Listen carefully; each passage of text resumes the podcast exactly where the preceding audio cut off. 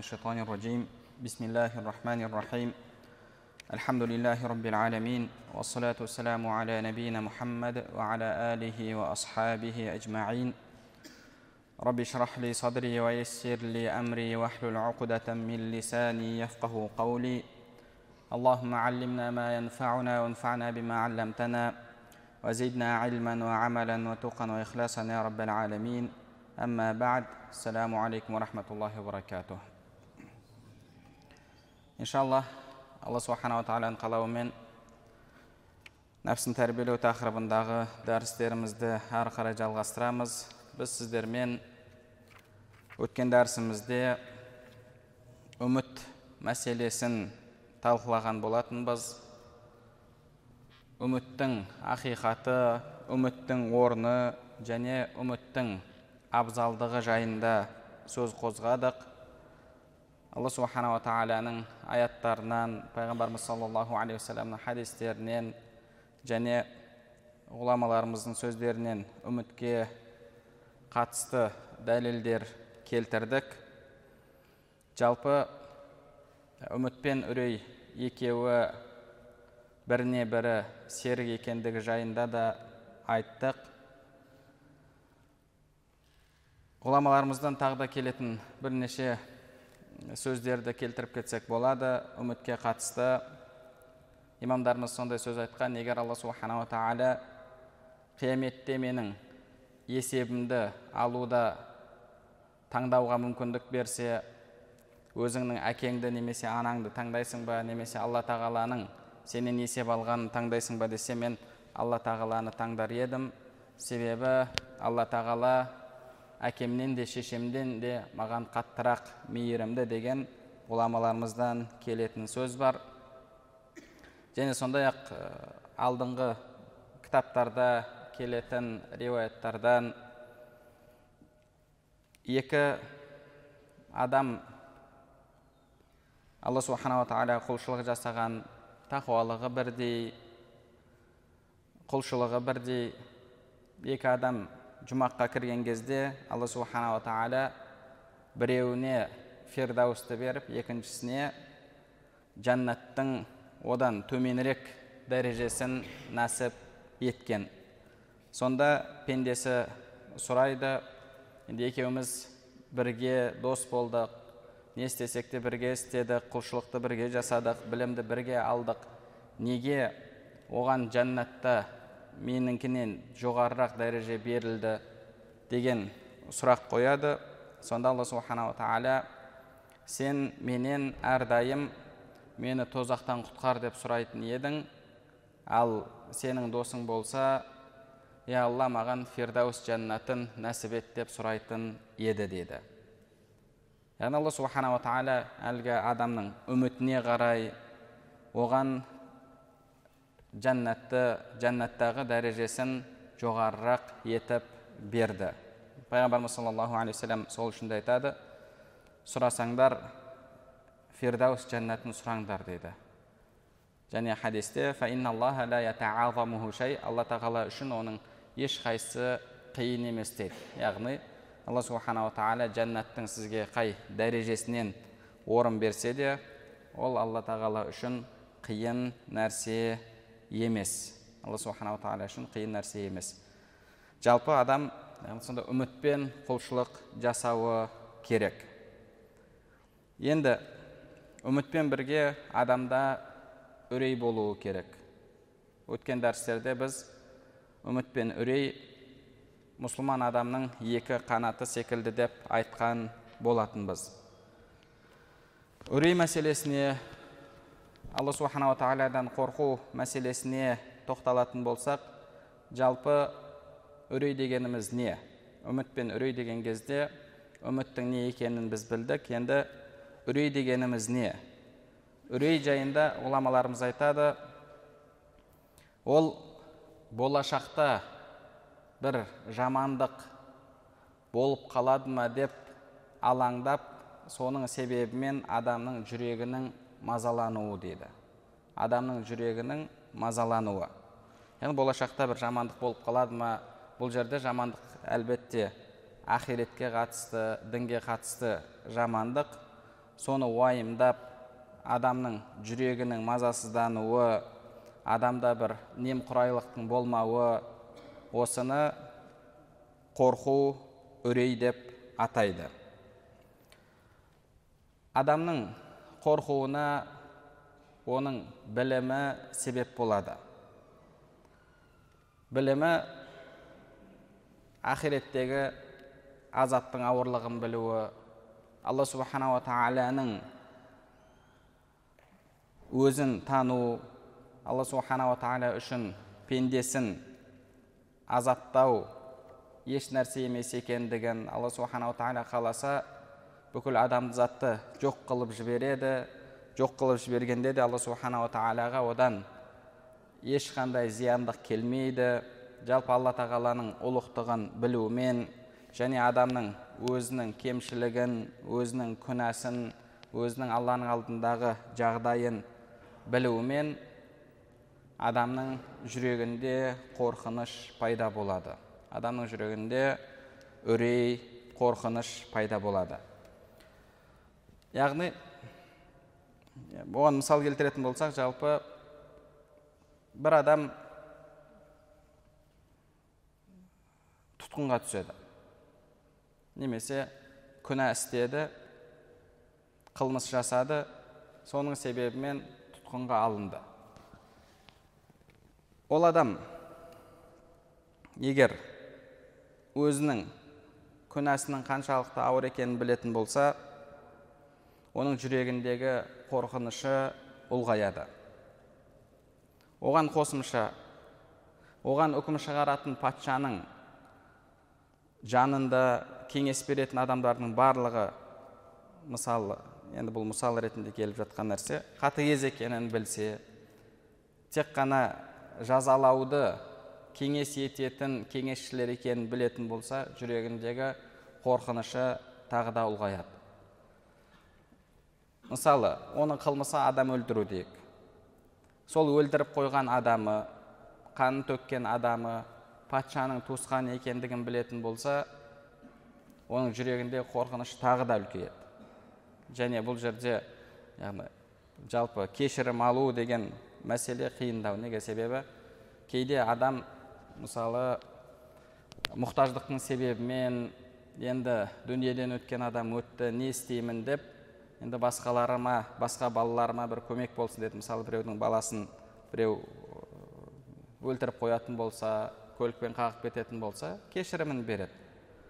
Ал енді бірақ ондай ақшаға ешқандай мұқтаж болмаса ол кешірімін бермеуі мүмкін. Және өлтіру әсіресе қасақана өлтіру болатын болса мүлдем кешірім алу мүмкін емес болып қалып жатады. Осындай себептердің барлығы жиналған кезде оның жүрегіндегі қорқынышы ұлғаяды. Енді алла субханала тағалаға қатысты адам бірінші өзінің күнәсін білсе алланың алдындағы тек қана күнәсі емес намазда оразада басқа да құлшылықтардағы кемшілігін білумен ақ адамның жүрегінде қорқыныш оянады. Себебі біздің проблемамыз бұл тек қана күнә істемеуде немесе күнә істеудегі проблема емес қанша күнәларды істеп қойып жатырмыз сонымен қатар құлшылық мәселесіне келген кезде құлшылығымыздың қаншалықты кемшіліктерге толы екендігін біз білеміз алдыңғылардың құлшылығы жайында естисің сахабалар намазға тұрған кезде бір тірі емес яғни бір өлі нәрсеге ұқсап қалар еді? Мысалы бір қазыққа ұқсап қалар еді талға ұқсап қалар еді. Біреулерінің намазда тұрған кезде мысалы аяғына кіріп кеткен оқты шығарады тағы біреуінің үйінің дуалы құлаған кезде оны сезбейді намазға кірген кезде сақалдары су болып кетер еді. Оқып отырасың. Одан кейін өзіңнің құлшылығыңа келесің. Сол сипаттардың қайсысы біздің құлшылықтарымызда бар? Намазымызда оразамызда зекетімізде тағы да басқа да құлшылықтарымызда. Қарап отыратын болсақ сол кісілердің құлшылықтарының жартысының жартысы біздің құлшылықтарымызда жоқ. Енді күнәміз былай тұрсын. Тілімізге ие бола алмауымыз ғайбат айтуымыз орынсыз әңгімелер тағы да басқа да күнделікті өмірде мысалы сахабалар қанша адал болған нәрселерді тастар едік арамға түсіп қалмау үшін деп айтқан болса біз көп жағдайда сол арам тірліктердің өзінде істеп қойып жатамыз. Адам өзінің жағдайын білсе осыны. Одан кейін алла субханала тағаланың ұлықтығын және сонымен бірге тозақтың ауырлығын тозақтағы азаптың ауырлығын білсе адамның жүрегіндегі үрей жүрегіндегі қорқыныш ұлғаяды. Енді осы қорқыныш адамның иманның деңгейіне қарай бөлінеді адамның иманның деңгейіне қарай бөлінеді бір адамдар болады олардың жүректеріндегі қорқынышы иманның әлсіз болуының себебімен әлсіз имам әбу хамид ғазали рахмауллах олардың қорқуын әйелдердің көңілінің жұмсақтығына ұқсайтын қорқу дейді әйелдердің көңілі жұмсақ білесіздер сәл нәрсеге жылап қалады кейбір адамдардың қорқуы сол әйелдердің көңілдерінің жұмсақтығына ұқсайды дейді яғни оның қорқуы жүрегіндегі үрейі оған амал жасата алмайды. Тек қана бір уағыз естіген кезде бір сондай әсерлі бір көріністі көрген кезде жүрегі жұмсайды көзінен жас шығады. Ол біткен кезде болды. Қайтадан сол өзінің бұрынғы қалпына түсіп өмірін сүріп кете береді. Мысалы өмірде мысал келтіретін болсақ мәуліт кештері болады. Мәуліт кештеріне қанша адамдар барады? Қанша адамдар барады? Оның ішінде намаз оқымайтындары көп. Енді ана жерде бір көріністі көреді. Әсіресе сол адамның көңілін жұмсартатын көп жағдайда жетімдерге қатысты қойып жатады. Көреді соны жаны ашиды көзінен жас шығады. Шыққаннан кейін не өзгереді? Шыққаннан кейін ешнәрсе өзгермейді. Сол баяғы тыңдаған әншілері баяғы несі фейсбугына немесе контактыға машалла аузу машалла альхамдулилля деген сөздерді қойып қояды. Мысалы қарап отырсаң а өмірінде еш нәрсе өзгеріп жатқан жоқ қанша сондай әпке қарындастарымыз бар. Мысалы орамалын тақпайды. Бірақ несін қарасаң пәленшенің уағызы түгеншелердің уағызы. Ол уағыз тыңдап жүр оларды біледі. Бірақ неге оған амал етіп жатқан жоқ? Неге оған амал етіп жатқан жоқ? Себебі оның жүрегіндегі қорқуы әлсіз қорқу. Тура сол, сол секілді ер адамдар бар. Яғни олардың қорқуы сол әйелдердің көңілінің жұмсақтығына ұқсайды. Уағыз тыңдаған кезде жылап алады кейін көзінің жасын сүртеді шыққан кезде сол бұрынғы баяғы өмірін сүріп жүре береді. Ал негізгі қорқудан мақсат қорқудан күтілетін негізгі жеміс негізгі мақсат бұл адамды амалға итермелеу. Адамды намазға тұрғызу адамға ораза тұттыру адамға бай болса зекетін бергізу яғни қорқу сізді амалға алып келуі керек. Ғұламаларымыз айтады. Қорқу мен үміт пен үрей бұл екі қамшы секілді деді. Екі қамшы секілді яғни манағы пендені сол қамшымен ұрып құлшылық жасатады. Адам үміттеніп жасайды және сонымен бірге үрейленіп жасайды. Құлшылығын тағы да басқа да жақсы амалдарын. Қорқудан үрейден негізгі мақсат бұл амалға жету. Сол үшін де ғұламаларымыз айтады мысалы адамның әлгі жүрегіндегі қорқуы болашақта мынандай болып қалады ау болашақта алла субханала тағала мені ертең азаптап қалады ау. Мына ісімнің мынандай азабы бар мынаның мынандай ертең қияметте азабы бар деп адам сол нәрседен қорқады. Қорыққан кезде оның нәтижесі болу керек. Нәтижесі ол адам сол нәрседен сақтанады. Намаз оқымаса намаз оқымаудың зияндығын зардабын қияметтегі азабын біледі. Сол үшін ол намазға тұрады. Яғни қорқу өзінің негізгі міндетін орындаған кезде сіздің жүрегіңіздегі сіз алланың бұйрықтарын орындайсыз тыйғандарынан тыйыласыз. Осы кезде қорқу өзінің міндетін орындаған болады. Осы шынайы қорқу. Ал енді адамды амалға итермелей алмаса онда ол шариғат талап еткен қорқу емес. Мысалы бір адамдардың жүрегінде қорқынышы ұлғайып кетеді ол күдер үзіп қоюы мүмкін. Күдер үзу дертіне жолығады соның себебімен құлшылықты тастап қояды. Бұл да шариғат талап еткен қорқу емес. Бір адамдардың жүрегіндегі қорқуы қатты күшейіп ақылынан есінен адасып қалуы мүмкін. Бұл да шариғат талап еткен қорқу емес. Шариғат талап еткен қорқу адамға алланың бұйрықтарын орындатып тыйғандарынан тыятын қорқу. Осы қорқу шариғат талап еткен шариғат бұйырған қорқу болып табылады. Егер осы нәрсені орындай алмаса онда ол қорқу яғни әлсіз қорқу немесе шектен шығып кеткен қорқу болады. Әлгі бір адам мысалы есінен есінен адасып қалса жынды болып қалса қорқа беріп үрейлене беріп ойлана беріп мысалы есінен адасып қалатын болса бұл алла тағаланың талап еткен қорқуы емес. Сол секілді мынау бірінші қорқудың түрі бұл әлсіз адамды амалға итермелей алмайтын қорқу. Бұл да оның бұл да болса оның иманының әлсіздігіне байланысты. Иманның әлсіздігіне байланысты. Бұның мысалы бұндай қорқудың сіз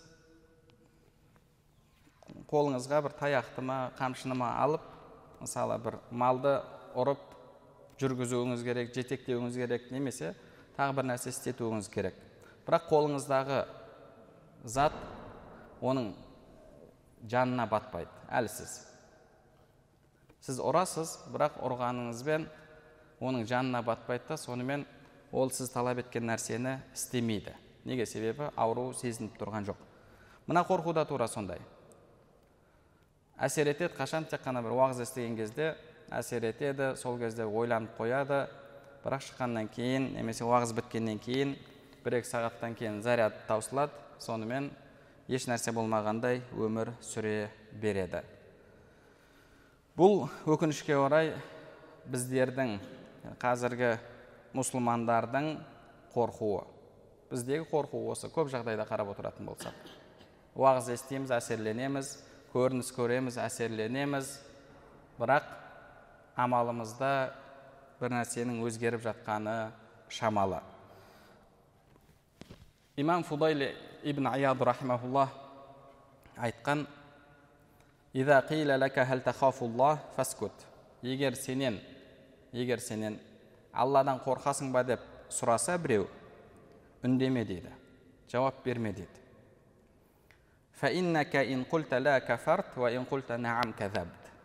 Себебі сен жоқ десең кәпір боласың иә десең жалғаншы боласың дейді.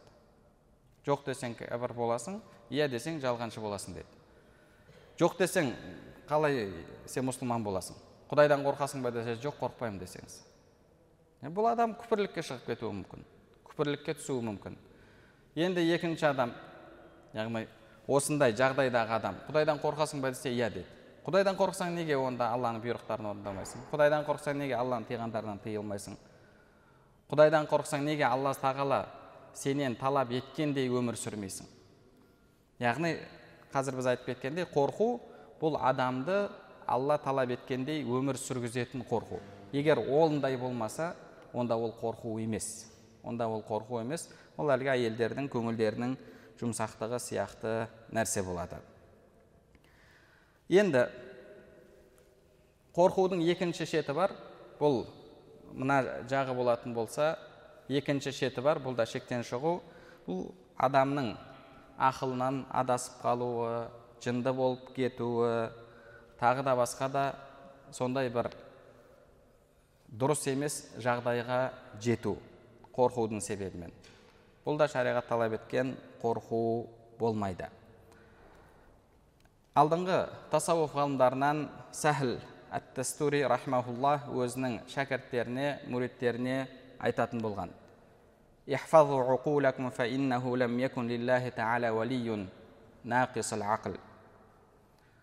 Ақылдарыңды сақтаңдар ақыл есі дұрыс емес ақылы кем алланың әулие достары болмайды деген. Ақылы кем алланың әулие достары болмайды деген. Яғни адам жалпы ақылынан адасып қалса болды ол адамнан жалпы шариғатта талап етілмейді. Себебі пайғамбарымыз саллаллаху алейхи үш түрлі адамнан қалам көтерілген дейді. Яғни оған күнә жазылмайды. Оған күнә жазылмайды. Соның бірі жынды адам. Қайтадан өзінің табиғи қалпына қайтқанша. Енді мынау адам ақиретті ойлай берді тозақты ойлай берді ойлай берді ойлай берді сөйтті да соңында жынды болып қалды бұл адам жынды болып қалса болды шариғат оның мойнынан түседі сол үшін де жынды әулие деген нәрсе жоқ жынды әулие деген нәрсе жоқ кейбір кітаптарда келеді пәленші болыпты пәленші жынды деген болыпты әулие болыпты деген оның барлығы бос әңгіме оның барлығы бос әңгіме егер имам абу хамид ғазали айтады жүрегіңдегі қорқыныш амал етуіңе сенің амал етуіңе әсерін тигізе алмаса онда ол қорқыныш жоқ сияқты деді. Онда сенің жүрегіңде қорқыныш жоқ деуге болады. Ал егер керісінше сенің табиғи жағдайдан шығарып жіберетін болса ол қорқыныштың екінші шеті дейді. Алла тағала талап еткені бұл осы екеуінің ортасы. Яғни адамның жүрегінде қорқыныштың болуы сол қорқыныштың себебімен алланың тыйғандарынан тыйылу бұйырғандарын орындау бұйырғандарын орындау. Осы алла тағала талап еткен қорқу болады. Яғни қорқудың ортасы ғана мақталған қорқу жақсы қорқу. Екі жағы жақсы қорқу емес. Себебі жалпы қорқудың өзі негізінде кемшілік сипат. Негізінде кемшілік сипат кемелдік сипат емес қорқу деген. Себебі қорқу екі себеппен болады. Бірі надандықтың себебімен екіншісі әлсіздіктің себебімен. Надандықтың себебімен және әлсіздіктің себебімен. Яғни адам болашақта не болатынын білмейді қорқады. Болашақта не болатынын білмейді қорқады. Енді ақиретке қатысты адам өзінің жәннаты ма тозақы ма қайсы жақтың иелерінен екенін білмейді. Сол себепті қорқады. Сол себепті қорқады. Екіншісі әлсіздік. Сол нәрсе басына түскен күнде яғни тозаққа түскен күнде тозақтан өзін құтқара алады ма? Құтқара алмайды. Сол себепті қорқады. Мысалы бір адам бар таныстары жоқ таныстары жоқ ақшасы жоқ бір қылмыс істеп қойса жазаланам ба деп қорқады. Жазаланам ба деп қорқады. Ал екінші бір адам бар таныстары көп ақшасы көп. Яғни ол бағанағы әділет болмаған мемлекетте дейік. Ол адам қылмыс істеуден қорықпайды. Неге? Себебі құтылып кететінін біледі. Сотты сатып алады басқасын сатып алады прокурорды сатып алады сөйтеді да құтылып кететінін біледі. Бұл адам қорқады ма? Қорықпайды. Яғни жалпы қорқу бұл білімсіздіктен және әлсіздіктен келіп шығатын нәрсе негізінде. Сол үшін де алла субханала тағала мысалы қорқу сипатымен сипатталмайды. Яғни жалпы алла тағаланы сипаттауға болмайтын сипаттардың барлығы негізінде кемшілік сипаттар. Негізінде кемшілік сипаттар. Себебі алла субханала тағала тек қана кемел сипаттармен сипатталады. Кемшілік сипатпен сипатталмайды. Алла тағала қорқумен сипатталмайды. Алла субханала тағала үмітпен де сипатталмайды. Бұның барлығы адамға осы өмірде керек дүниелер әрқайсысы өзінің мөлшерінде керек сипаттар. Керек мөлшерінде болса жақсы оған жетпесе одан асып кететін болса онда ол кемшілік сипат болады. Қайтадан өзінің негізгі сипатына негізгі ақиқатына қайтады. Мысалы білім сипаты дейік. Білім сипаты бұл кемелдік сипат сол үшін білім қанша көп болса да оны ешкім жамандай алмайды керісінше білімің қанша көбейсе соншалықты жақсы бірақ қорқу ондай емес яғни көбейіп көбейіп көбейіп шектен шығып кететін болса онда ол қайтадан орынсыз қорқу болып қалады тура сол секілді бағанағы ортада болмаған кем болған қорқу да тура сондай адам қорыққан кезде өзінің күнәларынан қорқады. Yani бір адамдар бар күнәларынан қорқады. Екінші бір адамдар бар алла тағаланың өзінен қорқады. Екеуі екі түрлі қорқу. Көпшілік адамдар өзінің күнәсінен қорқады. Жасап жатқан күнәларынан қорқады. Жүрегінде соған қатысты қорқу бар. Енді одан жоғары деңгейге адам көтерілетін болса онда оның жүрегінде алланың ұлықтығын сезіну алланың өзін тану арқылы қорқу пайда болады. Яғни бұл қорқуды махаббатпен араласқан қорқу болып табылады. Бұл мысалы кейбір зиянды нәрселердің зиянын білгеннен қорыққан қорқу емес. Мысалы адам жыланнан қорқуы мүмкін қабаған иттен қорқуы мүмкін арыстаннан қорқуы мүмкін. Бұл қорқу басқа түрлі қорқу. Оның да зияны бар зиянынан қорқады. Алла субханала тағалаға қатысты бұл махаббатпен араласқан қорқу болады. Адам егер екінші деңгейдегі қорқуда болатын болса ол адам намаз оқып жүрсе де оразасын тұтып жүрсе де құлшылығын жасап жүрсе де оның жүрегінде қорқу болады. Ал енді тек қана күнәсінен қорқып жүрген адам болатын болса ол адам намазын оқып оразасын тұтып белгілі уақыт белгілі бір уақыт күнәлардан ұзақ болып жүрсе онда ол адамның жүрегінде бір тыныштық орын алуы мүмкін. Оның жүрегінде тыныштық орын алады да ол адам жүрегінде бір тозақты ойлап қатты қорқу деген нәрсе болмайды. Оны тек қана ойласа иншалла жәннатқа кірсем мынандай болады иншалла мынандай болады иншалла жәннатта болай иншалла жәннатта болай ол тозаққа түсіп қалам ау тозаққа түсіп қалсам не болады деп ол жағын көп уайымдамайды ал біз ғұламалардың тарихын қарап отыратын болсақ олардың қорқуы да көп болған олардың қорқуы да көп болған үмітпен бірге оларда қорқу болған бізде адамдарда олай емес көбінше иншалла жәннатқа кірсек былай болады жәннатқа кірсек былай болады. Ал бірақ ғұламаларымыз айтқандай қорқу мысалы адамның күнәсінен қорқу адамның алла тағала байлық беріп жатса шынайы алланы танығандар сол байлықтан да қорқатын болған. Алла тағала бұл байлықты беру арқылы мені адастырып қоя ма екен? Егер оның өмірінде барлық нәрсе жақсы болып жатса одан да кейде қорқатын болған бұл истидраж емес па яғни бағанағы жалпы кәпірлерге күнәһарларға алла тағаланың кейде беретін нәрсесі истидраж деп аталады. Оның тағы да күпірлігі арту үшін алла субханала тағала оған сондай жағдай жасап қояды. Сондай болады ма екен деп. Және қорқудың ең үлкені бұл суул хатима. Адамның соңғы жағдайынан қорқуы соңғы жағдайым қандай болады?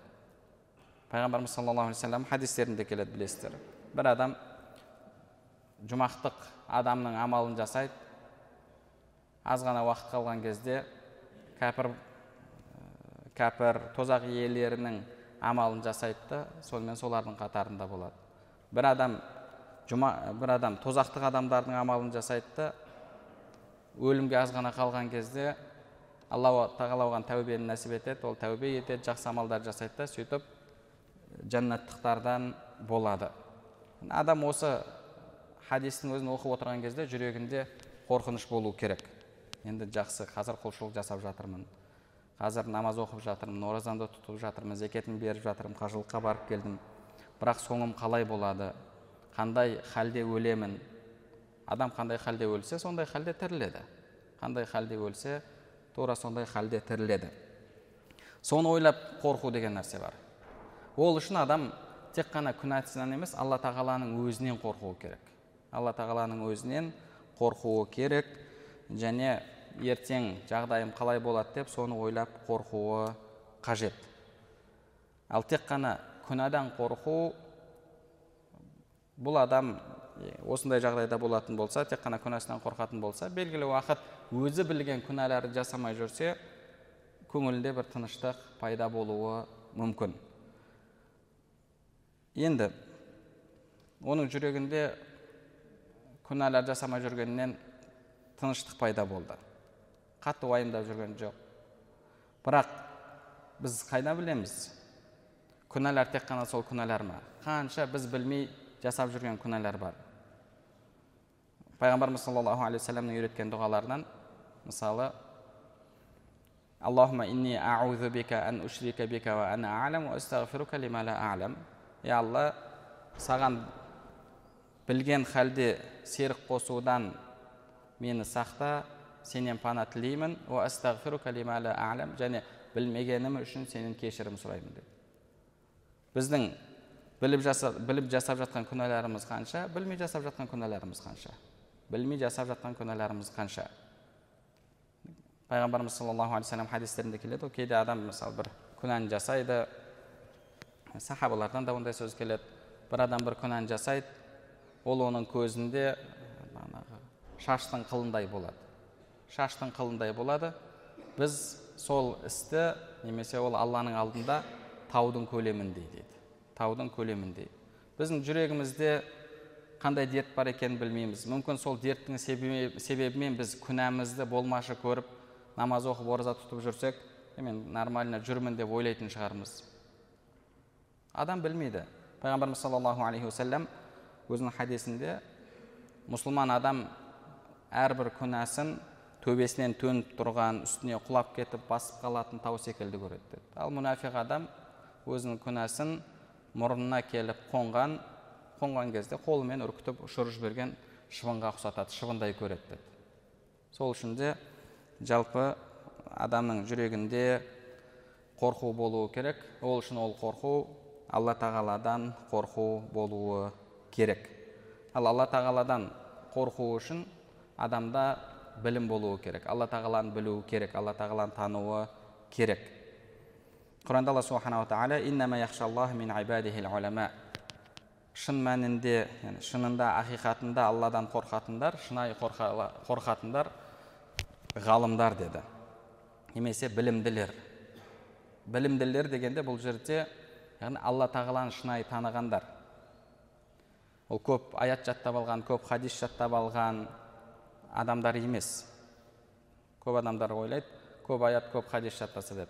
Жоқ аят хадисің егер тақуалыққа айналмаса алған білімің алған білімің сол бір яғни рухани бір халге айналмайтын болса онда керісінше ол адамға алған білімінің барлығы қарсы құжат болады. Қарсы құжат болады сол үшін де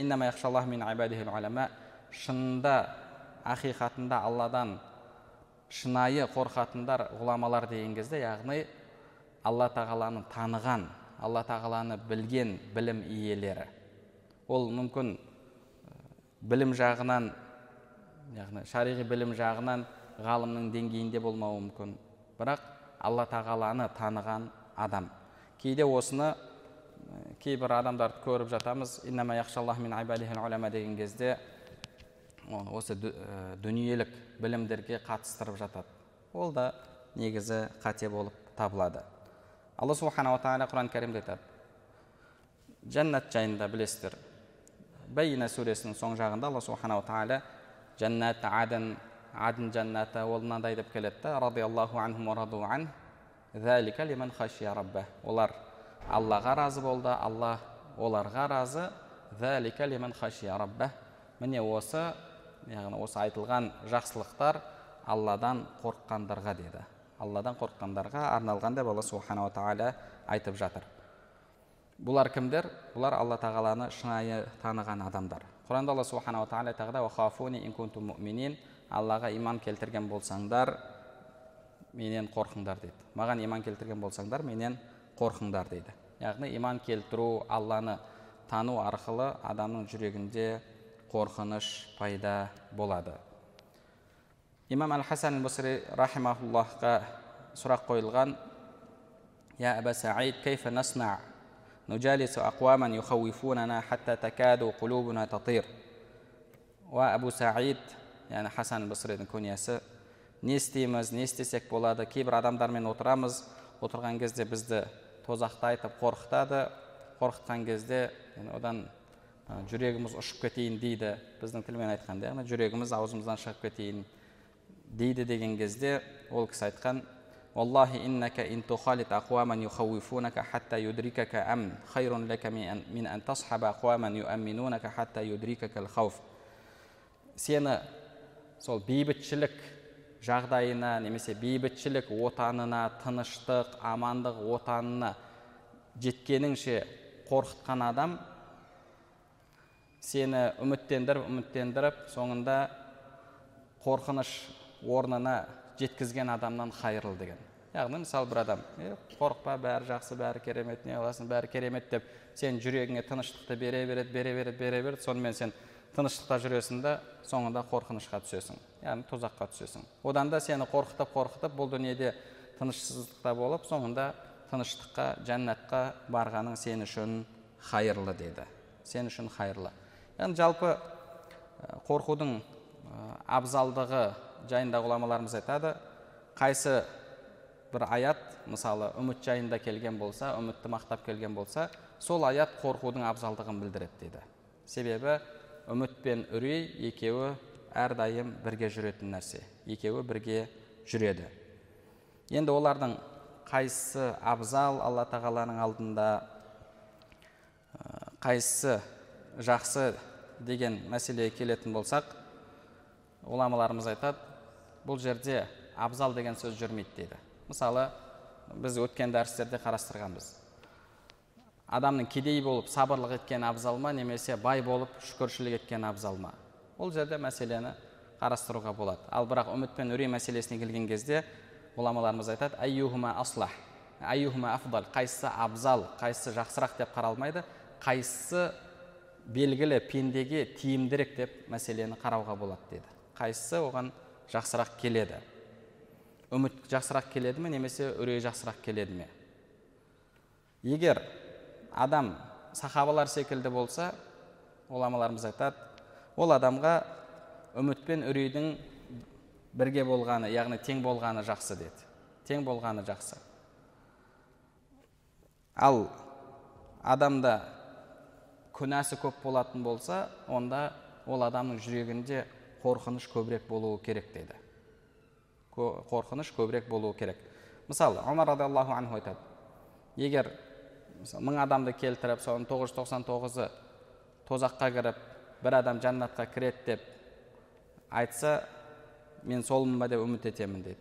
Егер тағы мың адамды келтіріп соның тоғыз жүз тоқсан тоғызы жәннатқа кіреді біреуі тозаққа кіреді десе мен сол біреу боламын ба? деп қорқамын дейді. Бұл құлшылығын жасап алла тағаладан қорқып жүрген адамға қатысты. Ал енді ішкені арақ намазы жоқ кейде жұмаға келсе келді келмесе ол да жоқ. Сөйтіп жүріп тоғыз адам тозаққа кіріп бір адам жәннатқа кіреді десе сол адам мен боламын ба деп ойласа бұл адам негізі шайтанның азғыруымен алданып жүрген адам болып табылады. Бұл сол 99 тоғыздың ішінде кіріп кететін адамдардың бірі менмін бе деп қорқамын деу керек. Неге? Себебі оның жағдайы соны одан талап етеді. Жасағаны күнә ешқандай құлшылығы жоқ. Сөйтіп жүріп үмітте жүретін болса бұл адам шайтанның азғыруына еріп жүрген адам болып табылады. Енді бұл мәселеге қатысты тағы да қосымша мәселелер бар. Жалпы жүректегі қорқынышты қалай ұлғайтуға болады деген мәселелер бар. Алла нәсіп етсе оны келесі дәрісімізде үйренеміз. Алла субханала тағала бәрімізге пайдалы білім нәсіп етсін білімдерімізге амал етуімізді амалдарымыздың қабыл болуын нәсіп етсін. سبحانك اللهم بحمدك أشهد أن لا إله إلا أنت أستغفرك وأتوب إليك.